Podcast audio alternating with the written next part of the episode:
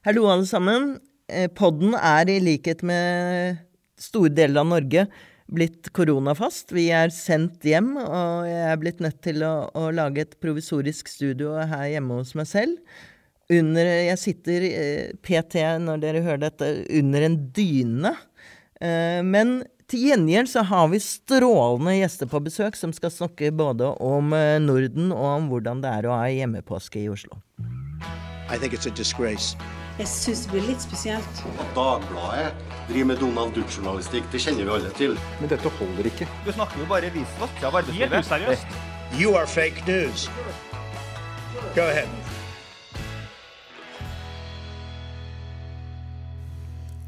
Vi må snakke litt om eh, Norden. Altså Norge, Sverige og Danmark pleier jo å henge litt sammen som erteris og være de flinkeste i klassen på dette her. Eh, og ordning og rea, og vi følger de beskjedene vi får fra internasjonalt hold. Men i, under denne koronakrisen så skiller vi plutselig lag. Danskene er uh, veldig strenge, tøffe, har vært tidlig ute. Mette Fredriksen er blitt en slags sånn norsk ledestjerne for de som vil ha autoritære tiltak. Uh, svenskene går helt i motsatt retning. Vil ikke stenge skolene, eh, vil ikke stenge grensene, har, har, en ganske liberal, åpen holdning til dette her. Og så er det Norge midt imellom. Og jeg har jo da fått en ekspert, Hilde Sandvik, eh, som sitter i Bergen. Og, og, du er jo etablerer gründer av nettstedet Broen, som handler om Norden og kultur. Og så har du faktisk akkurat nå i disse dager startet et ukentlig radiosending i eh, norsk, svensk og dansk radio. Eh, som heter Norsken, svensken og dansken. Så du bør ha svaret på dette her. Hva er forskjellen her? Det har aldri vært så gøy og interessant å følge med på at det faktisk er sånn at politikk og forvaltning både er så forskjellig, og at du nå ser at det faktisk òg har konsekvenser. Uh, og For å begynne med det mest uh, særprega, altså svenskene, som du sier, så er de eksepsjonalistiske i, i, selv i denne krisen. Og hvorfor er de det? Hva er det som skjer, og hva er det som gjør at de vandrer i en helt egen retning? Um, og den enkle forklaringen er kanskje vanskelig å finne, men en en forklaring er at det svenske embetsverket har altså en langt større egenrådighet enn både norsk og dansk embetsverk har. Det har lange historiske aner. Ehm, jeg hadde en, en liten ikke helt heimesnekra, men en liten teori om at det òg skyldtes at eh, Sverige, altså under religionskrigen og de store, den storhetstiden som Sverige hadde, så var, altså, så var kongen ute og sloss, og noen måtte styre hjemme. Og en fikk denne sterke Oksenstjerna, eh, som bygde opp òg et sterkt byråkrati. Men jeg har snakket om med statsviter Bo Rothstein eh, på Göteborg universitet, som sier at så lange historiske linjer går det kanskje ikke an å trekke, men han mener at det er helt tydelig eh, at den sterke posisjonen som embetsverket i Sverige har, det kan du trekke iallfall tilbake til 1800-tallet. Eh, da, men, eh, men, så dette er jo da ja. også sier at de har en enorm tillit til dette embetsverket? Mm. Ja, og det, det er den trua på ekspertisen. Sant? En gikk ifra at, altså, ifra at byråkrater var noe som du kunne betale deg penger for å, for å bli, eh, til å tro på ekspertisen. Eh, og det svenske embetsverket har senere òg hatt en ekstremt sky, altså en skyhøy tillit. Bortsett fra kanskje Migrasjonsverket og, og arbeidsformidlingen, eh, så, en, så, ligger en både skattevesen, eh, universitetet eh, og Det kan en se rundt dette folkehelsemyndighetene nå, at det har en veldig sterk tillit som gjør at folk faktisk òg agerer som staten sier. Og, eh, ja, og vi snakket sammen litt eh, før vi, eh, før vi nå er på poden, at eh, det gjaldt også under flyktningkrisen, ikke sant? Så var det plutselig mm. Migrasjonsverket som, eh, som eh, hadde mye å si. Ja, og det er faktisk sånn at en, en minister, en minister kan ikke instruere en høy tjenestemann. Uh, og det jeg, jeg, jeg, hørte en av de pressekonferansene med Anders Tegnell, da, som er blitt nå denne kjente statsepidemiologen, uh, som, som, jo alle nå har, har hørt om og, og forholder seg til. Uh, og han sa 'jag har innstiftet en lag', sa han i pressekonferanse. altså som og, og, Camilla Stoltenberg eller Gullvåg skulle si det samme. Ja, det, og jeg så òg for meg, selv om Gullvåg hadde jo scenen for å kunne gjøre det når han skrøypa hjemmefra, så, så, burde han nesten kunne sagt noe sånt. Men det, men det, hører, du, det hører, du, ikke norsk embetsverk si. Um, og, og, og, de vide fullmaktene det, og den trua på ekspertise er, er, er sær, særsvensk. Eh, det er òg interessant å merke seg faktisk at de to landene som sammen stakk seg mest ut uh, lenge, altså Storbrit eller England uh, og, og, Sverige, har lang statskonstitusjon. Nå mm. snudde jo Boris Johnson. Men det, det, var jo noe fascinerende i det òg, tenker jeg. Det, det, det, er veldig interessant, for vi tenker jo på ja. denne krisen som at den setter oss på en helt ny prøve. Og så ja. er det det verktøyet vi håndterer den med, er er, eh, går langt tilbake i historien og er eh, inkarnert i liksom nasjonale psyken og politikken. Ja, og det er sant, og derfor tenker jeg for alle forskere så må det være gull at en nå faktisk har en sånn testbed i Skandinavia. sant? Mm. Med så ulike håndteringsmåter. Det vil jo gi oss stor, et stort forskningsgrunnlag. Men, eh, men danskene Danskene er jo beinharde. Uh, mm. Og det forundrer meg på en måte ikke så veldig. De er tøffe i migrasjonspolitikken, og de er tøffe her, og de er tøffe i business. Mm.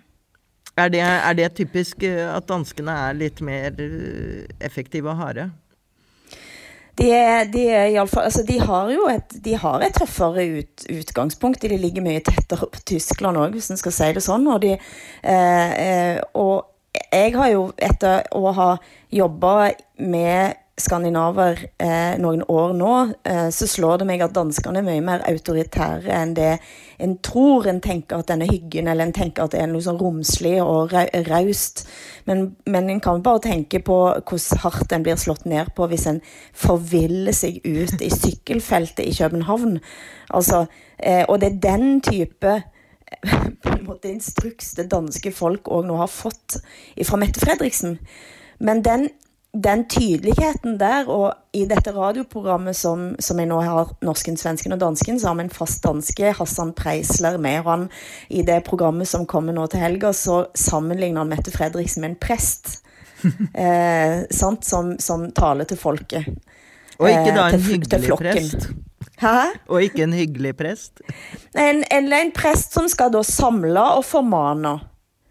Eh, hør, og, og, og, hvis du òg tar og rykker det opp på et enda et annet nivå, nemlig det rojale som vi òg deler, eh, sant? så var jo da kong Harald først ute med å holde tale. Han, snakker, han maner til vennligheten. Så kommer dronning Margrethe ut, eh, og det hun snakker om, er død. Eh, og hun snakker òg om eh, hensynsløse ungdommer som nå turer og har fest. Igjen en formaning. Eh, og så kom svenskekongen ut, og han snakker om håpet. Så bare det å analysere de, altså de, de skandinaviske kongefamiliene og den rojale talen rundt dette, syns jeg òg sier noe interessant om nasjonal syke, da. Men Norge er jo litt sånn midt imellom. Vi er litt sånn uh, Igjen fremstår som en litt sånn uh, halvforvirret lillebror, hvis jeg skal ja. være litt Vet ikke ja, helt hvor noen, vi skal gå. På noen områder sånn, så, så, er, så er en jo det. Og det, altså, jo ingen, det er jo det som kanskje etterlyses òg nå, at det er en, en, veldig mye tydeligere strategi. Men, uh, men samtidig så er noe av den store krisen nå i, i Danmark eh, handler om at Sunnhetsbestyrelsen eh, lot være å høre på WHO sine råd om testing. Eh, så de har testa knapt 15 000 til nå. Eh, Ekstrabladet har akkurat i dag en sak som viser at nå, i Norge så er det altså testa over 73 000 personer. Uh, og det gjør at både Sunnhetsbestyrelsen og direktøren der har måttet rykke ut og be om unnskyldning. Men det begynner òg å komme en tydeligere kritikk mot regjeringens håndtering. Uh, så denne her marsjering i takt og den der enormt stramme, autoritative stemmen som da Mette Fredriksen har brakt inn i dette, uh, det kan være at det kommer til å møte litt større motbør etter, med, med tiden. For det er klart at når du, når du først er så streng, eh, så er det enormt viktig at du òg har tillit. Ikke sant. Uh, og det som slår meg, er at i både Danmark og Norge er det ganske Altså, det er alltid i slike kriser en viss sånn oppslutning om myndigheten og, og regjeringen og slike ting, men, men, det er likevel en, eh, en, ganske frisk debatt om virkemidler og slike ting. Mens i Sverige er det ikke noe særlig debatt. Uh, Nei, altså det som du ser hvorfor, der er Hvorfor er de ikke mer redde for at de tar feil?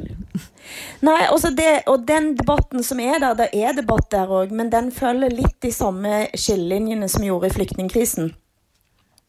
Eh, en ser at den største eh, de, de, de, største kritiske stemmene er de som er mest kritiske til, til, liksom, til stat, stat og styre.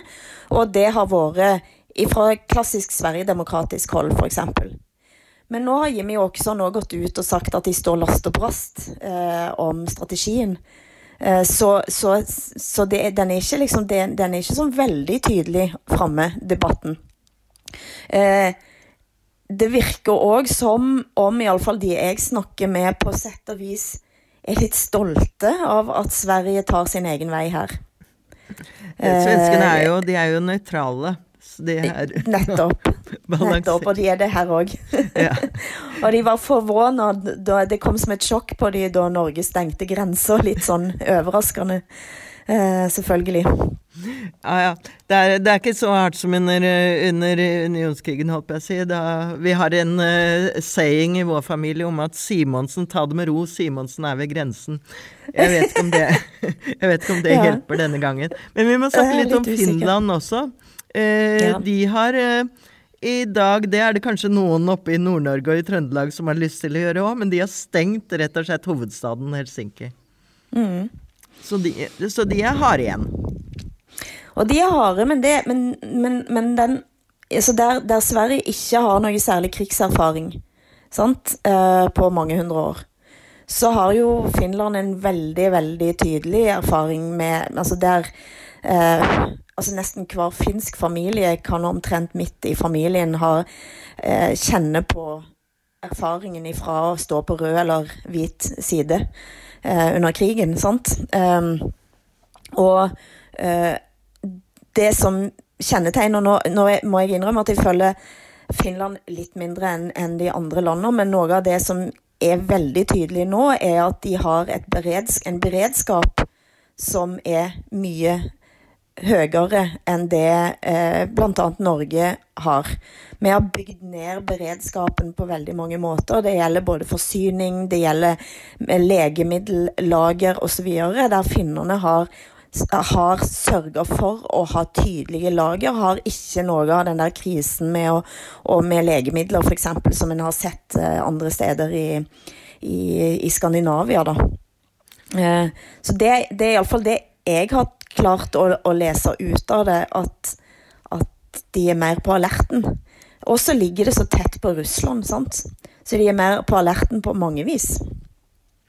Hvordan, hvordan har du inntrykk av at, uh, av at, de snakker sammen uh, i Norden? Er det litt sånn de sitter på hver sin uh, tue? Og han Tegnell syns at som han sa at eh, svenskene var de som gjorde det rette, mens eh, det store eksperimentet foregikk, foregikk, jo i Norge, og dermed også Danmark, da. Ja.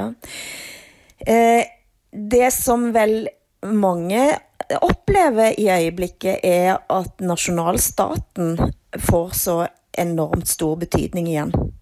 Eh, og bare som et lite eksempel eh, den, de siste ukene så er det noen som har blitt oppmerksom på at liksom svenske, eh, svenske ministre stiller med det svenske flagget på jak jakkeslaget.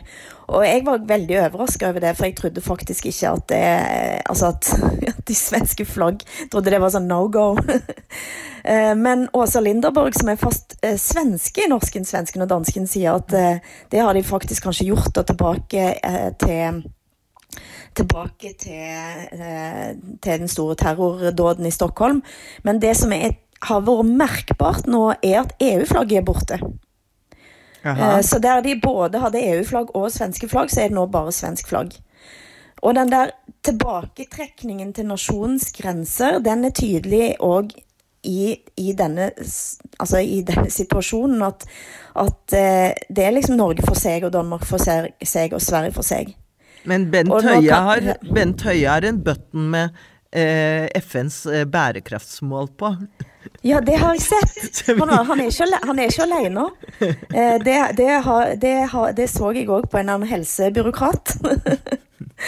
Så ja, nei, de kan jo, de kan jo stå fast. Men, eh, men eh, ja, og det kan, kan godt foregå masse bilateralt som en ikke vet noen ting om. Jeg vil tippe Altså Hadde jeg vært i Folkehelseinstituttet og, eller Sunnhetsbestyrelsen i Danmark, Danmark eller i, i, i Sverige, så hadde jeg jo, så hadde jeg jo brukt muligheten til å, å, å sammenligne og, og se på både strategier og altså jeg, vil jo, jeg håper jo at de gjør det. Men, men det at vi stenger grensen nå, er jo, eh, er jo et veldig tydelig signal. Og da Danmark stengte grensen, så reagerte jo f.eks. Tyskland veldig kraftig. Og det kan en forstå, eh, fordi det er så tette forbindelser. Det er jo mange på grensa som både jobber på den ene og på den andre sida. Og den samme utfordringen har en nå på Øresundsbroen. Men dette at, eh, at eh, Du nevnte EU, og det er vel påfallende at EU ikke har klart å, å finne sammen i en felles strategi her, selv om de har begynt å snakke litt mer sammen, så vidt jeg forstår. Eh, så er det jo liksom at man hadde trodd og ventet at liksom Norden skulle trekke sammen, men det er kanskje litt optimistisk? jeg, jeg, sitter jo alltid, jeg sitter jo alltid og tror at det skal skje, da. Du er jo den som tror på dette her. Ja, ja, ja. Eh, ja. Ja, og altså det er, jo nettopp nå i sånne sammenhenger iallfall at en blir eh, Altså regionalisering er en slags form Altså det er en, en dragning mot å bli tettere i regionene. Og verden blir mindre. Men det spørs jo hvor liten den verden blir. Og i øyeblikket så ser det jo ut som at nasjonalstaten er den enheten som en klarer å forholde seg til. Um, jeg, jeg, jeg, jeg, altså jeg, jeg tenker jo at den testbeden som nå vi får i, i, eh, i Sverige, eh, forhåpentligvis i løpet av noen uker kan gi oss, eh, gi oss noen retningslinjer. Og jeg tenker òg at jeg syns godt at vi kan begynne å la oss inspirere av noe av det, f.eks. diskusjonen rundt stenging av barneskoler eh, osv. Og jeg ser òg at debatten rundt klasse begynner å, å være mer aktiv til stede i Sverige. Um, det, Hva tenker kom, du på da spesielt? Nei, altså jeg, jeg, Den diskusjonen om hvem, hvem, er det, hvem er det som kommer til å slite mest Og en av, en av begrunnelsen til Anders Tegnell for ikke å stenge skoler, det er jo to, det er to ting. Det ene er jo at barn eh, ikke er så store smittebærere, men at de òg blir Altså at de blir værende hjemme, at de òg da kanskje blir mer i kontakt med, med besteforeldre, og at det går ut over helsevården, som det heter. Dette Eh. skal vi faktisk snakke litt om i neste innslag i poden Ja. her. Så det, er, så det er spennende at eh, svenskene er eh, opptatt av det, og kanskje mer, legger mer vekt på det. Så det er jo det store ukjente farvannet vi går inn i nå, er at vi står der at vi får håpe at Norges strategi eh, kan, kan føre til en kraftig oppbremsing, og de snakker til og med om å slå ned på viruset. Men man kan også ende der at svenskene om noen måneder står og viser at det var riktig å ikke stenge hele samfunnet ned. Er ikke det Det er jo det. Jo, det, vet det er jo nettopp det. Og, det, og jeg tenker òg at den, altså den, den økonomiske omkostningen eh, Altså, i finanskrisen så gjorde, etter finanskrisen så gjorde eh, Lancet, tidsskriftet, medisinsk tidsskrift, en analyse av eh, altså, eller, Og pre presenterte forskning på eh, rett og slett sammenhengen mellom økt, økt kreftdødsfall og finanskrisen. Eh, og eh, eh, rapporterte om 500 000 ekstra dødsfall. Det er store summer. sant? Og den store samfunnsøkonomiske, men òg medisinske effekten de tiltakene vi gjør nå, på sikt, kan jo vise seg å være ekstremt kostbare. Og den diskusjonen der, den, den, den er, syns jeg, å ane mer foreløpig til stede i Sverige enn han er i Norge. Eh, men jeg er jo helt overbevist om at diskusjonen om prisen på et liv vil komme til å bli mer markant i alle våre samfunn. Hva ja. koster det egentlig? Ja, altså Vi har hatt eksempler i USA hvor, hvor, eldre har stått frem og sagt at de vil ofre seg. Men jeg hørte også på, selv på NRK her forleden at, at det var en eldre kvinne som sa at hun hadde levd et langt liv, og hun mente at uh, hensynet til henne måtte ikke stanse hele samfunnet og ødelegge unge liv. Så mm. vi ser at denne debatten uh, kan tvinge seg frem, og da gjelder det kanskje å holde tunga litt uh, rett i munnen om hvilke verdier vi bygger på, ikke minst hvilke verdier helsevesenet bygger på. Mm. Ja, og det er jo sånn det, det, På mange måter så setter jo hele denne Ja, koronakrisen setter jo på spissen alle menneskers rett til liv og, og verdighet, sant? Uh, og, men det er jo først når konsekvensene av det begynner å vise seg at debatten hardner, og da må en iallfall være veldig present med hva type samfunn en ønsker seg. Um, for de, de, de, optimistiske scenarioene her sier at vi blir mindre polarisert nå. Uh, at den enorme polariseringstendensen som en har sett, at det vil snu. Men en kan jo òg se for seg at det kan bli en alles kamp mot alle. Eh, og da, i det bildet, så tenker jeg at Norden har noe å komme med. Eh, for de har tross alt noe felles. Hilde, du, du, må stå på barrikadene der og sørge for at vi finner sammen. For jeg vil ikke ja. bo i denne lille innsnekrede, avstengte nasjonalstaten. Nei, jeg vil i det minste ha Norden med meg. ja. Kan du sørge ja, for det? Minste. Jeg skal love. Takk for at du det. kom på besøk i podden. Takk for at jeg fikk komme.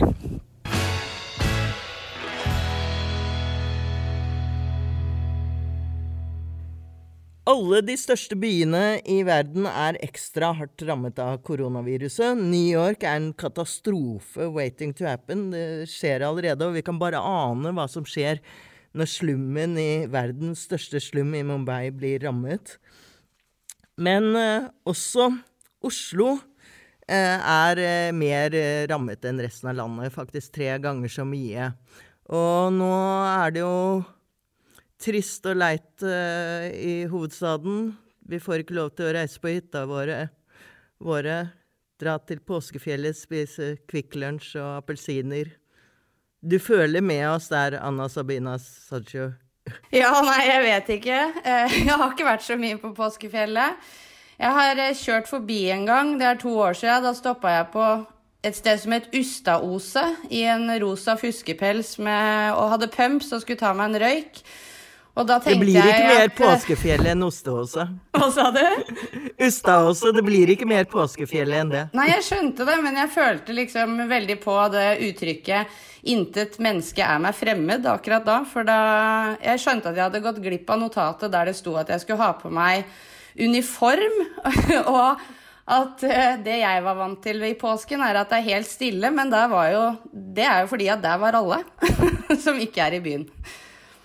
Og du var ikke kledd, du hadde ikke fått med meg hvor det stod at du skulle ha på deg sånn Turistforeningen rød Nei, jeg, jeg ante ikke at man uh, gikk i uniformsklær der oppe i det hele tatt, for å være helt ærlig. Men uh, det var jo Jeg følte meg satt litt tilbake til 1950, og at fjols til fjells plutselig ga litt mening for meg, da, som ikke har skjønt hva det dreide seg om. Men eh, du er altså velkommen tilbake, får jeg si. Du har jo vært i podden før, så da er du en venn av podden. Ja, nettopp. Takk. du, du, har i mange år jobbet med eh, rus og psykisk helse, og skriver bok om å vokse opp i blokk på Tøyen. Og Jeg tenker det er mange som eh, er eh, bekymret, eh, med eh, kanskje god grunn, eh, for, for eh, Oslo-innbyggere som bor tett på hverandre, hvor det er mye sosiale problemer fra før, og så kommer denne koronakrisen på toppen av det hele. Er det, er det noe du bekymrer deg ekstra for i disse dager?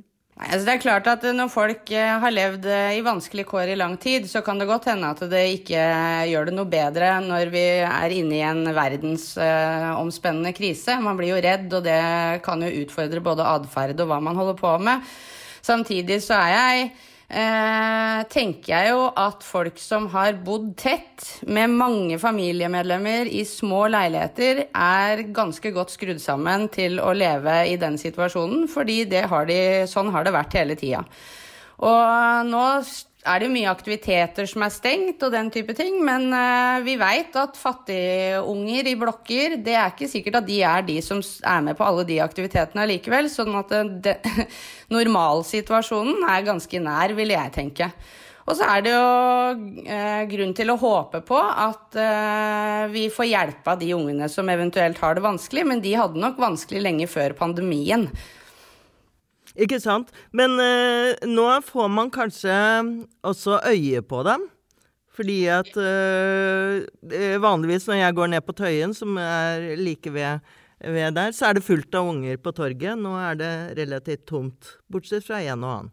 Ja, og jeg tenker jo at uh, utekontakter og frivillige tjenester og den type folk som nå er ute på gatene, vil jo i mye større grad få øye på de ungene som kanskje har hatt det vanskelig hele tida, som vi ikke har klart å fange opp. Og sånn sett er jo det en positiv ting.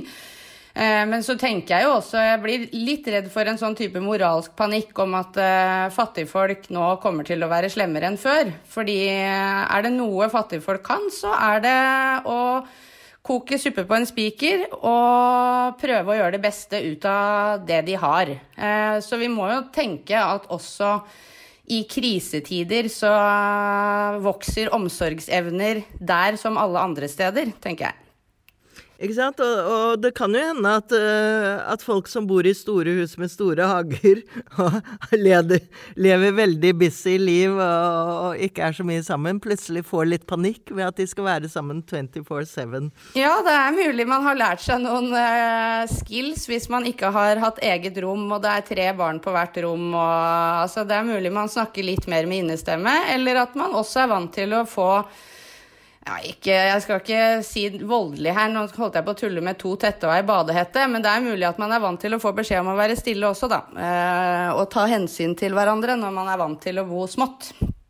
Fordi det er man pent nødt til, ellers så ja, og hjelpe hverandre.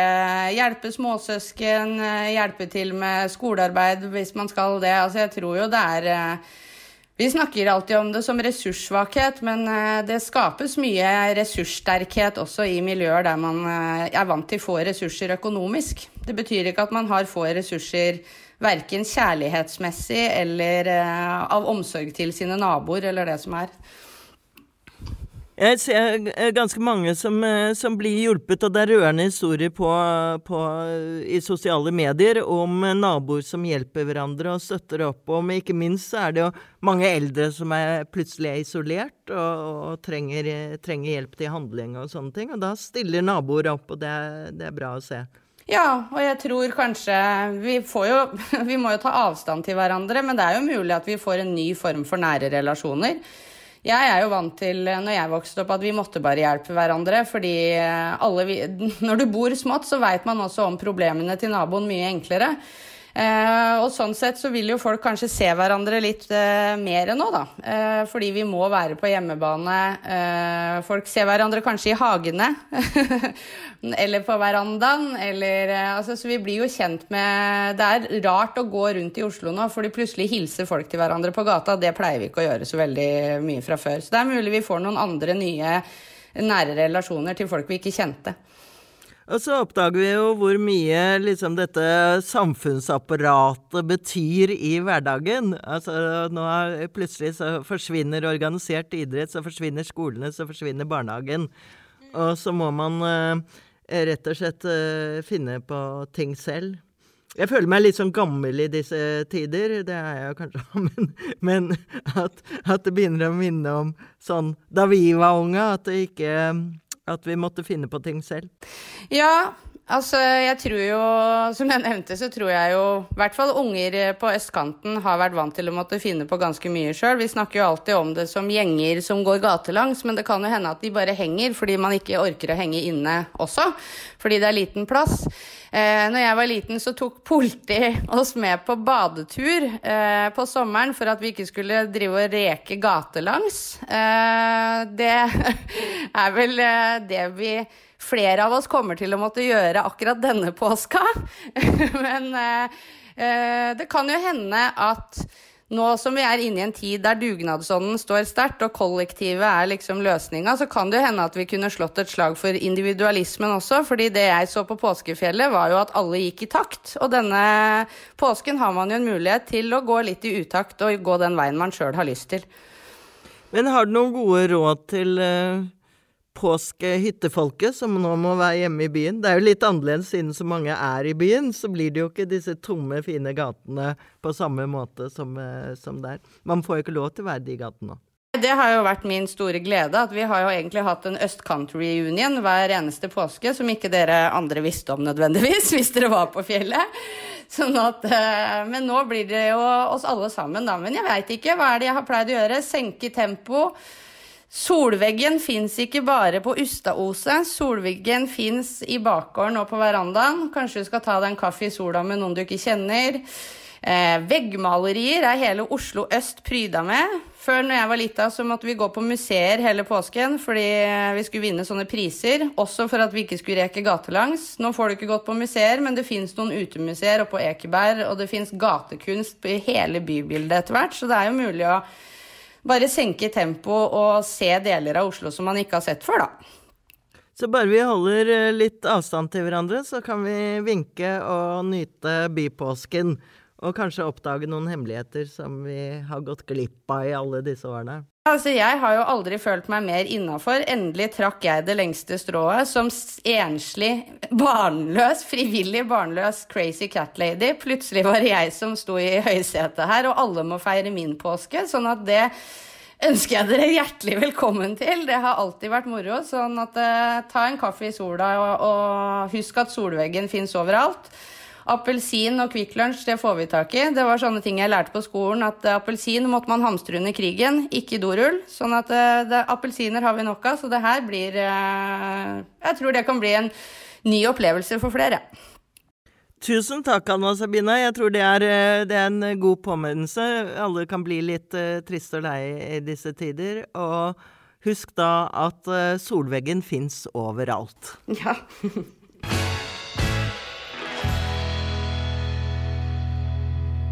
Det var uh, den første podsendingen i eksil fra Kampen i Oslo. Uh, jeg håper dere likte det dere hørte, og ble litt uh, klokere og mer informert i disse vanskelige nyhetstider også, vil jeg si. Og så får dere bare ta veldig godt vare på hverandre, og prøve å leve så normalt som mulig. Ha en veldig god helg. Hei.